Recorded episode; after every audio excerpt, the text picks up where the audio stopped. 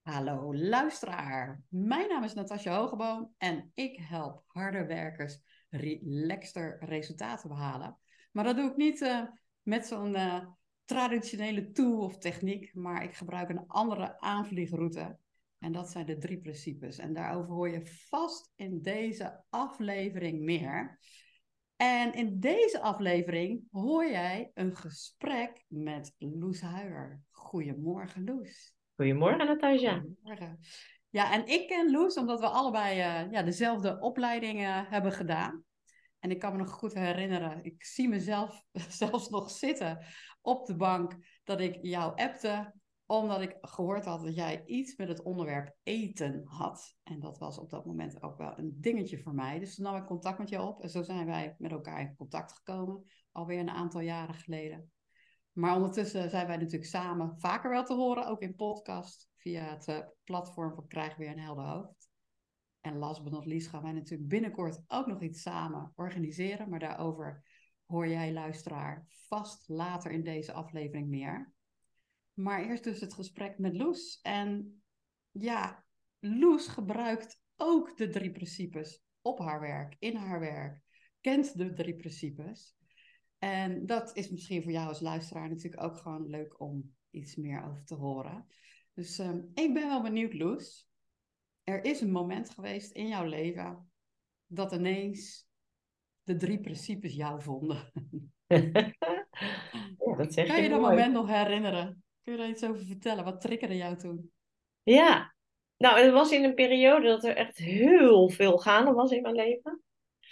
Uh, scheiding, ontslag, uh, huis moest verkocht, kind met een eetstoornis. Echt, ik, ik noem het de periode dat alle poten onder me vandaan gezaagd werden. En, um, en ik, was, ik deed een NLP-opleiding. Uh, nou ja, dat uh, hoef ik verder niet zo op in te gaan. Daar kan ik heel verhaal over maken, maar dat is echt totaal zinloos als, als we de drie principes ernaast zetten. Maar op dat moment, nou, was dat zo. En, um, maar in het traject met mijn zoon, met die eetstoornis, uh, merkte ik dat er iets ontbrak of zo. Er miste iets in de reguliere hulpverlening. En eigenlijk voelde mijn zoon dat ook heel helder, want die gilde uit, maar dit gaat mij niet helpen, de reguliere aanpak. Dus ik was een beetje aan het zoeken naar, ja, wat is er dan nog meer? En toen kwam ik eigenlijk op het spoor van Angela Mastwijk, die had een boek geschreven, stond in de libellen. Mijn buurvrouw attendeerde mij daarop. Uh, en ik las daar een klein fragmentje uit haar boek en ik dacht, er stond niks in over de drie principes, maar er stond, ik las iets tussen de regels door. Het was niet in de woorden. En ik wist, ik moet contact met Angela zoeken. En dat heb ik gedaan, kwam in maar op. Ik heb contact met haar gelegd. En uh, ik ben gewoon met haar in gesprek geraakt. Ik kon haar altijd appen, berichten als ik uh, het even niet meer wist. Een soort hulpbron. En uh, de eerste gesprekken zeker, en ook in het boek wat ik uiteindelijk helemaal gelezen heb, stond niks vermeld over de drie principes. Niks. Maar ik voelde tussen de regels door, er is, er is hier iets. Dit is anders. Dit is een andere kijk. In plaats van te gaan vroeten, zeg maar, in het probleem, werd er eigenlijk gekeken, maar hoe, hoe, hoe, komt die, hoe komt het probleem eigenlijk tot stand? Hoe wordt het gecreëerd? En wat is mijn rol daarin? En wat is de rol van mijn kind daarin? En wat is de rol van de hulpverleners daarin? Nou, en ja, ik weet, ik weet niet precies, Natasja, wanneer dan die drie principes benoemd zijn. Ik kan me dat echt niet meer zo herinneren. Maar gewoon de, de gesprekken met Angela, ja, die voer ik nog steeds trouwens. Ik heb ook de opleiding gedaan, inderdaad. Dat, ja, ik voel gewoon, dat moet ik doen.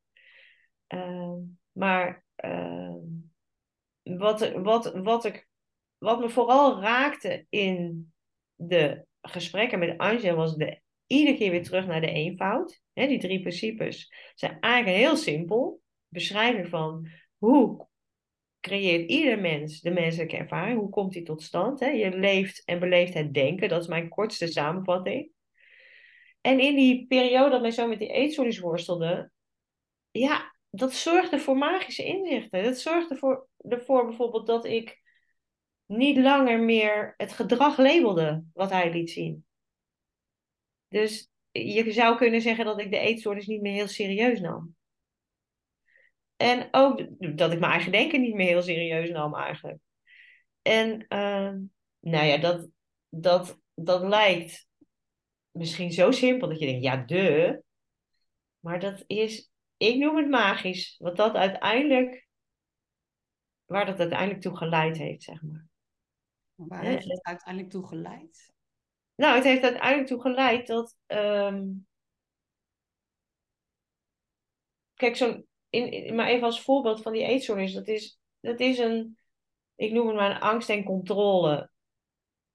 Uh, problematiek, zeg maar. Dus, en ik kreeg in de gaten.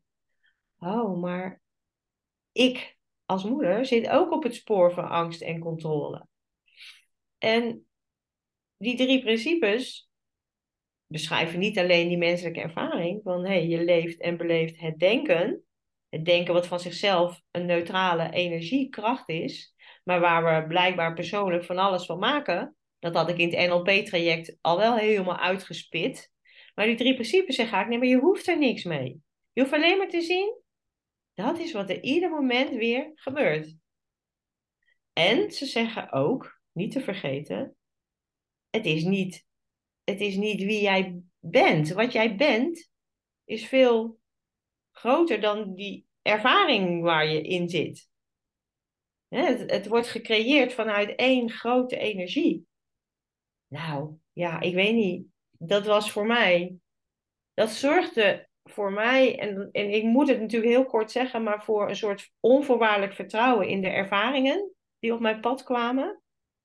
Wetende dat er niks kapot was of niks kapot kon gaan. Zowel niet bij mij als bij degene die in mijn ervaringen verschijnen. Ja, ik vind het wel mooi als je het zo beschrijft. Klinkt het voor mij van voordat je in uh, ja, dus de drie principes kende, was je eigenlijk nog bezig aan het fixen. En er moest iets veranderd worden aan jouw zoon. Uh, en ook aan jezelf, want niet voor niks ging jij een opleiding uh, volgen natuurlijk, NLP. En toen je dus de drie principes leerde kennen, dat het veel meer ja, herkennen werd van herkennen, herinneren werd dat eigenlijk ja, het altijd oké is. En dat jij het vooral anders bent gaan zien. Ja. ja dus jij, jij bent vooral de ervaring anders gaan beleven. Ja. En ja.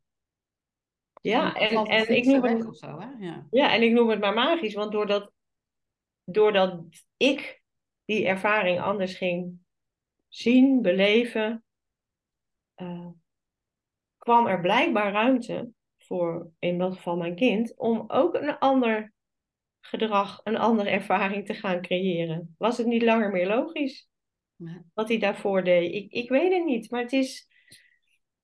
Kijk, je leeft en beleeft het denken. En voor mij werd, en dat werd later nog veel helderder, dat in dat denken, daar valt ook die ander, de ander, of dat nou je kind is, je collega, je buurman, je buurvrouw, jij, uh, mijn hond, bij wijze van spreken. Dat komt allemaal vanuit diezelfde creatie. Ja. Ja. Ja, we beleven alles en iedereen van binnenuit. Ja. ja. En een ervaring is van zichzelf nooit een probleem. En ik weet, ik kan me nog... Want die, die, die herken ik natuurlijk wel. Maar ik kan me voorstellen dat als je een luisteraar bent... en nou, misschien heb je als luisteraar zelf ook wel een, uh, een, een, kind... of iemand in je omgeving met een, uh, met een eetprobleem... of ervaar je een ander probleem... want dat maakt op zich nog geen eens zozeer uit... of nou een eetprobleem is of wat voor ander probleem... op je werk of buiten je werk. En jij zegt dan dat het eigenlijk geen probleem is. Ja, nou, ik, ik, zal een voorbeeld geven. In die periode um, had mijn zoon heel veel paniekaanvallen, was heel, heel uh, bozig. En dan kwamen er woorden uit zijn mond die mij ook boos maakten. En dat zeg je niet tegen je moeder. En nou, daar gingen we met z'n tweeën heen en weer bozen, bozigen. En op een gegeven moment kreeg ik dus in de gaten dat Ehm, die woorden van hem, dat is eigenlijk ook zeg maar een soort omstandigheid of een. Nou, het is in ieder geval buiten mij. Het zijn niet mijn woorden, het zijn zijn woorden die ik hoor. Die konden niet bij mij naar binnen kruipen om dat boze gevoel te veroorzaken. Daarvoor moest ik een oordeel hebben over de woorden. Ik moest er iets van vinden, ik moest er betekenis aan geven. En, ehm, en ik kreeg in de gaten dat dat dus zo werkte. Dat het, en toen was het voor mij op een gegeven moment niet meer logisch om, om boos te worden over zijn boze, om, om die woorden als boos te labelen. Of daar een boos gevoel van te krijgen. Ik viel eigenlijk stil. Woorden. Ja, het, ja, het waren maar woorden. woorden. Ja, ja. ja. En ik gaf er betekenis aan. Ja. Wat niet wil zeggen dat ik als een deurmat ging liggen en, en dat mijn zoon alles tegen mij kon zeggen. Maar soms, ik weet nog wel te herinneren dat we soms dan in zo'n, als hij in paniek was, dat ik zei, maar als, nu gaan we hier niet verder over praten. Ik loop nu weg. Ik liep weg uit de situatie. En dan, nou ja, dan werd het dus ook stil. En dan een paar minuten later kwamen we, kwamen elkaar wel weer eens tegen in huis. En dan, dan gaven we elkaar een knuffel en zeiden we, nou, klaar. Ja, ja. Waar ik, eh, waar ik aan moest denken toen jij dit net zo vertelde, is juist ook kleine kinderen. Ik kan mezelf herinneren toen ik zelf nog heel klein was en dat er dan op het schoolplein wel eens kinderen onderling ruzie aan het maken waren of tegen elkaar uh, aan het schelden waren, had ik ooit eens een keer geleerd dat ik dan mijn hand op moest steken en dan moest zeggen talk to my hand. Zo van ik laat de woorden niet binnenkomen, laat talk to my hand. Dat, dat leek dan ook altijd heel erg behulpzaam te zijn. En dat, ja, die metafoor komt nu als het ware nu ook in mij op. En die is natuurlijk ook, ja, ook als je op je werk zit of inderdaad ook thuis, kan het zo behulpzaam zijn om die woorden niet meteen allemaal enorme betekenissen aan, uh, aan te gaan zitten geven, maar eerst van het zijn woorden. En dat is het natuurlijk ook, het zijn woorden. En te gaan herkennen voor jezelf dat er ja, vaak zo snel gelijk of een betekenis, of we gaan ze interpreteren, of we vinden dat ze zo niet uh, mogen zijn of anders bedoeld zijn, noem maar op. En alleen op dat herkennen, dat dat gebeurt bij jezelf, dat soort type gedachten, kan zo behulpzaam zijn, ja. ja. Dus ik ervaar dat ook als behulpzaam. Sterker nog, voor mij voelt het, ik weet niet of jij dat herkent, als een verschil tussen angst en liefde of zo. Als ik meteen reageer, is er uiteindelijk ook een vorm van angst bij mij. Ja. Terwijl vanuit liefde kan ik alleen maar zien, komt vaak een soort woord in me op, ach diegene heeft zoveel gedachten op dit moment, laat hem maar even raaskalken. Ja. Ja. Ja, en het heeft iets te maken met niet persoonlijk nemen. Hè? Dus de woorden. Ja, dat is ook mooi. Ja. Wat ik zei daarvoor van, en dat zeg je niet tegen je moeder. Jij moet er niet om lachen. en, uh, maar dat, dat geeft wel aan dat, dat ik het als, als een moeder dat heel persoonlijk nam. Wat er gezegd werd. Ja. Maar het zei niks over mij. Het zei iets over zijn nou, laten we zeggen, pijn, gedachten, pijnlijke gedachten. De hoeveelheid gedachten die er ja, de hoeveelheid zijn. Ja? ja? En de kwaliteit. Ja. ja. Wat ik zo tof vind, uh, Loes, is dat jij nu uiteindelijk ook echt met die drie principes aan de slag bent op je werk. Natuurlijk zowel voor jezelf, maar ook, uh, nou ja, je, je, voert nu regelmatig gesprekken met mensen met een eetstoornis. Kun je daar iets meer over vertellen, hoe dat gaat dan? Uh... Ja, nou, ehm, inderdaad. Ik werk uh, met gezinnen waarvan een van de kinderen worstelt met een eetstoornis. Die begeleid ik als ambulante begeleider, ervaringsdeskundige eigenlijk. En um, ik zou bijna zeggen, Natasja, hoe kunnen we, hoe kunnen we het uitschakelen? Maar dat, ja, dat gaat natuurlijk helemaal niet. Want we zitten midden in die menselijke ervaringen. Ja. Terwijl ik de vraag stel, denk ik ook, ja, het is een hele gekke vraag om te stellen als je echt weet wat de drie principes zijn. Want ja, ze beschrijven natuurlijk de menselijke ervaring, of je het nou kent of niet. ja, je zit er middenin. Ja, ja, je zit er middenin. Het zou een beetje gek zijn om te zeggen, hoe gebruik jij de zwaartekracht om, uh, om op te zitten op je stoel? Dat zeg je ook niet. Ja. ja. En uh, hoe ik ze gebruik, Natasja, is eigenlijk heel simpelweg zeker als ik daar net binnenkom, delen van mijn ervaring. En daarbij aangeven dat mijn ervaring, hoe moet je dat zeggen, niet uh, gedupliceerd hoeft te worden. Hè? Dat is niet een trucje. Hè? Maar wel delen van mijn ervaring. Dat geeft anderen al, nou ja, het kan een soort hoop geven, gerust. Want in mijn geval is het, we zeggen, goed afgelopen. Hè? Mijn zoon was binnen een paar jaar, ja, was de het eetgestoorde gedrag verdwenen, zullen we zeggen.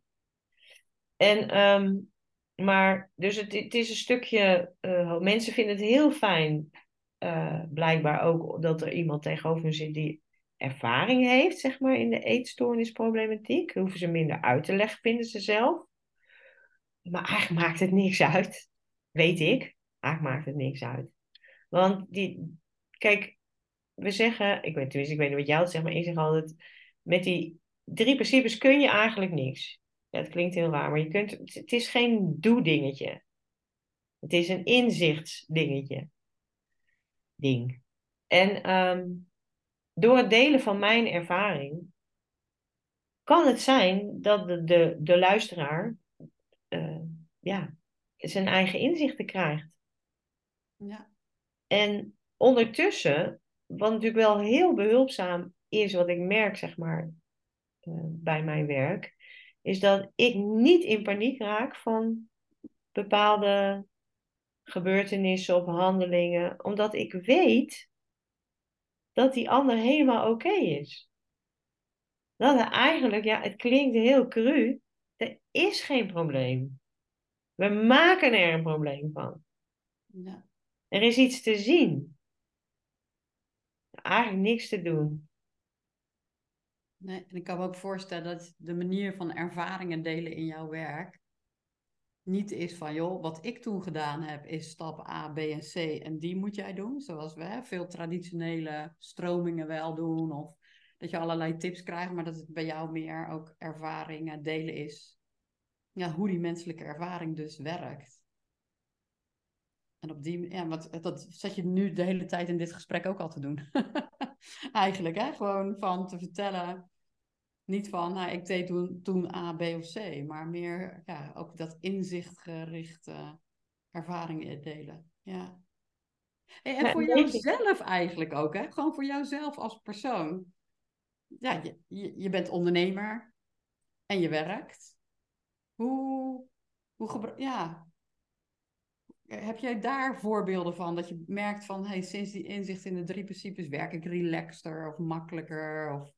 Ja, zeker. Zeker. Zeker relaxter. Uh, omdat er iets is verdwenen op het gebied van verantwoordelijkheidsgevoel. Oh ja. Oh, die is interessant. Kun je die ja. toelichten? Ja. Nou ja, kijk. Je leeft en beleeft het denken. En dat komt allemaal uit die ene, ene bron, universele levensenergie. Daaruit komen alle ervaringen tot stand. Ja. Hoezo zou ik dan verantwoordelijk zijn voor de ervaring die blijkbaar via mij gecreëerd wordt? Ja, dat minder als ik, Zoals ik het zeg, dan voel je, al, ja, ja. voel je al, er zit al afstand in. Want het voelt niet alsof ik het doe. Ja, en zo kan dat echt heel erg lijken. Hè? Alsof er een ikje is. Voor mij voelt het als ik een beetje in een lagere gemoedstoestand uh, ben. Moe ben of uh, wat gestrester gevoel. Dat ik dan ineens wel heel erg dat, dat, dat ikje, daar gebruik ik ook veel meer zinnen met ik. Ben, ben ik... Is me opgevallen, zeg maar. Hè? Dus dan ineens zeg ik, ja, maar ik heb het druk. Ja, maar ik moet dit op tijd af hebben. Ja, maar ik moet dit goed doen. Dat soort woorden gebruik ik dan ineens. Terwijl als er gewoon heerlijk in flow gewerkt wordt, dan lijkt dat woord ik ook ineens minder gebruikt te worden, want dan wordt er in flow gewerkt. Ja. Kijk, en uh, Natasja, dat zal je heus al wel in een van je eerdere afleveringen benadrukt hebben, dat het is geen methode. Er is geen methode. Er is geen stappenplan.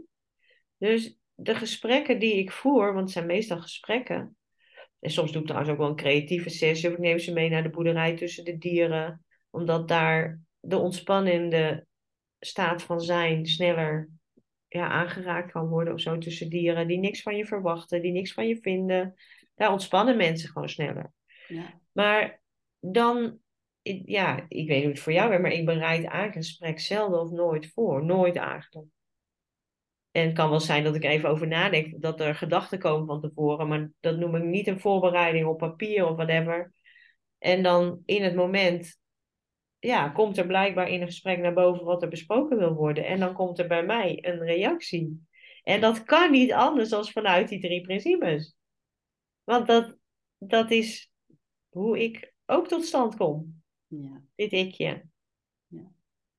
Maar ik vind het wel mooi dat bruggetje dat je net maakt, zo richting gesprekken uh, voeren. Ik merk dat ik.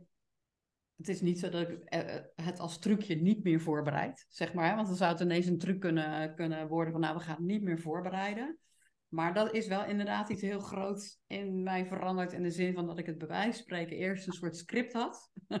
of het nou een verkoopgesprek uh, was, of een training, of uh, een gesprek zoals we vandaag hebben. Of dat um, ik in hoofdlijnen een paar dingen neerzet. Maar wel graag wil laten opkomen wat er in dat moment aan wil dienen. En je, je, krijgt het ook van de ander altijd vaak ook terug. Hè? Zo van, oh, wat was dit een fijn gesprek. Omdat het veel meer een gesprek in het moment is. In plaats van een, ja, een trucje uit een boekje of zo. Ik, ik herken bijvoorbeeld zelf eh, met leidinggevende of zo. Dat ik echt het gevoel had, als ik daar was een gesprek mee had. Dat ik dacht, nou, die heeft net een managementcursus uh, gehad of zo. Die heeft een, een, cursus gespreksvaardigheden gehad. Want die zit weer een soort script te volgen. Terwijl de meest lekkere gesprekken die zijn heel erg in, in het moment. Ja. En dat vind ik ook heel tof wat wij samen gaan doen binnenkort. Is die uh, dagen die in het teken staan van deep listening. En voor deep listening voelt voor mij als echt gewoon in die aanwezigheid zitten. Dus het is ook niet een, een trucje, niet een vaardigheid. Maar veel meer herkennen van wat wil er op dat moment gehoord worden. Ik vond het wel heel erg leuk. Jij was diegene die toen ooit eens een keer contact met mij opnam. Van hey, uh, zullen wij iets met deep listening uh, doen? Want jij was volgens mij iets aan het doen of zo. Kan je daar iets meer over vertellen? Dat is misschien interessant voor de luisteraar. Oh, ik, was, uh, ik, ik had net een online training gevolgd bij Mavis Karn. Dat is een Amerikaanse 3P-ster, een wat oudere dame. Die op latere leeftijd eigenlijk meer naar buiten is gaan komen met haar wijsheden, zou je zeggen. En um, ik had zeg maar op het gebied van luisteren al wel een soort, laten we even zeggen, voortraject gehad. In de zin van gewoon, goh, hoe luister ik eigenlijk naar, uh, naar anderen? En wat gebeurt er dan als ik aan het luisteren ben? Daar, daar, was ik al wel, daar had ik wel bewustwording op. En, um, maar bij die bij, uh, en ik had al, natuurlijk had ik al wel eens van deep listening gehoord. Ik had van jou al wel gehoord. En um, uh, Dick en Bettinger praat er heel veel over.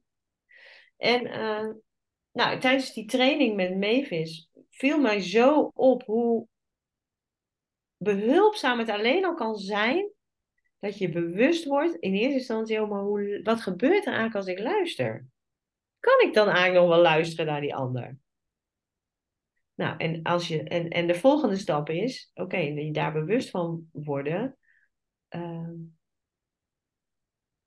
weten dat je eigenlijk, dat er niks, je, je, je hoeft niks met de informatie waar je naar luistert. Je, je hoeft eigenlijk alleen maar te zijn. Dat was eigenlijk de volgende stap bij de training van Mavis. En ja, weet je, niet, niet zozeer. Ik had het eigenlijk daarvoor al ervaren, heel eerlijk gezegd, van dat ik in gesprekken met anderen soms bewust was van, oh nee, ik, het, het gaat gewoon zo razendsnel. Gaat je hoofd een soort van aan als er informatie binnenkomt. En daar wil, je, daar wil je hoofd dan iets mee. Maar op het moment dat je daar bewust van wordt dat dat niet hoeft, gaat er een soort van, ja, ik weet niet, gaat er iets, kom je in een andere staat van luisteren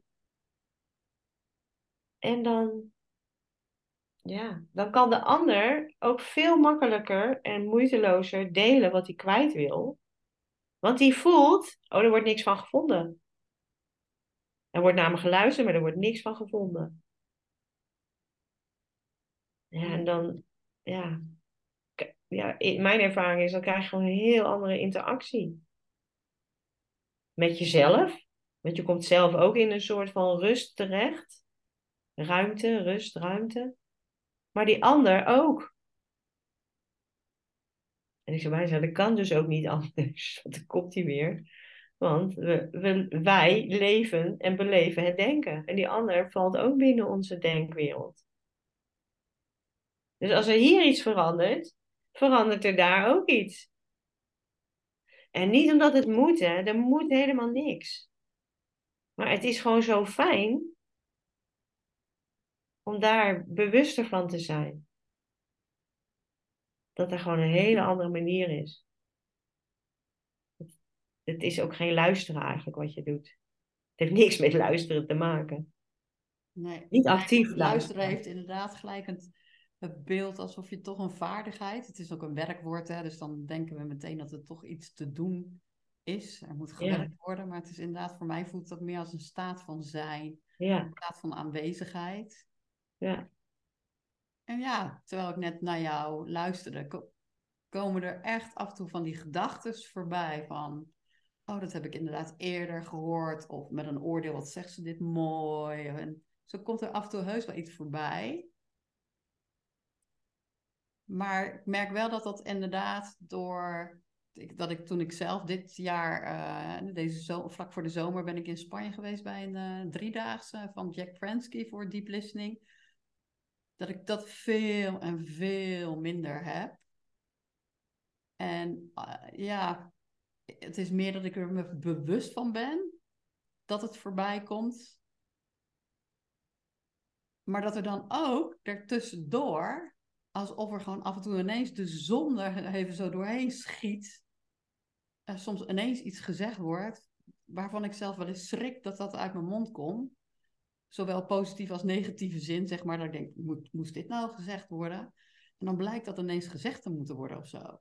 Dat er een soort wijsheid zich aandient. En deep listening voelde voor mij... Stap 1 is echt herkennen hoeveel denken er als, als het ware tussen zit. Zo voelt het voor mij. Hè? Is, en voor de duidelijkheid, het is geen stappenplan en dat gaan we ook niet doen. Maar zo voelde het voor mij van, oh ja, stap 1 was bij mij. Oh, ik herkende ineens hoeveel denken er tussen zit en wat voor type denken dan dat was. Stap 2 is dat ik beter de ander kon gaan begrijpen en luisteren. Maar stap 3 is dat er echt iets. Er is een wijsheid die we allemaal hebben en die we allemaal herkennen. De innerlijke wijsheid, noem het intuïtie, al die ingevingen die we af en toe krijgen. Die zoveel wijzer en slimmer is dan ons persoonlijk brein. Die kan dan ineens van zich laten horen. Zo voelde dat voor mij. En dat is- heb ik ook echt toen ervaren in, in Spanje dat ik dingen heb gezegd die ik niet meer weet, maar blijkbaar voor de ander ontzettend belangrijk waren. En eh, heel magisch waren.